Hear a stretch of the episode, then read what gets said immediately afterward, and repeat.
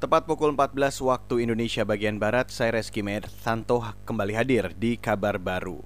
Saudara, pemerintah membentuk tim gabungan pencari fakta atau TGPF untuk mengusut penembakan berujung kematian seorang warga sipil, anggota TNI, dan seorang pendeta di Intan Jaya, Papua.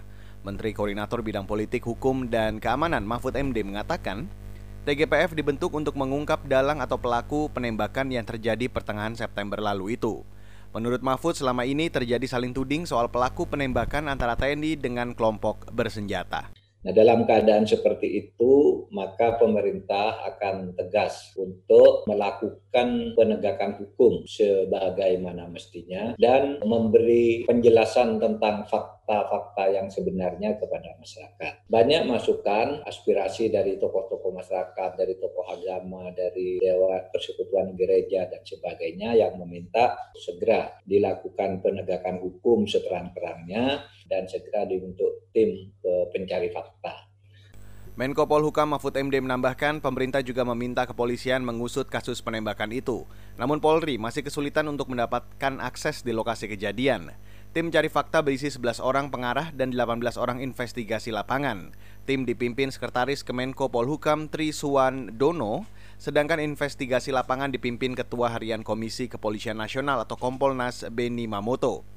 TGPF mulai bekerja sejak dibentuk pada 1 Oktober 2020 hingga dua pekan ke depan. Kita beralih ke lantai bursa saudara. Indeks harga saham gabungan atau IHSG siang ini terus melorot di zona merah. Sejak perdagangan pagi hingga siang, indeks melorot ke level 4.933, melemah 36 poin atau 0,7 persen dari saat pembukaan. Mengutip data RTI, ratusan saham dalam tekanan lebih dari 220 saham melemah, sekitar 160 saham menguat, dan sekitar 140 saham stagnan. Saham-saham yang melemah antara lain sektor perbankan, konsumer, konstruksi, properti, serta sektor sumber daya. Pelemahan juga terjadi pada mayoritas bursa saham utama Asia. Indeks Nikkei Jepang dan Straits Times melemah sedangkan Hang Seng Hong Kong dan Shanghai Composite Index bergerak stagnan. Sementara itu mata uang rupiah siang ini melemah 0,43 persen diperdagangkan di posisi 15.013 rupiah per satu dolar Amerika Serikat.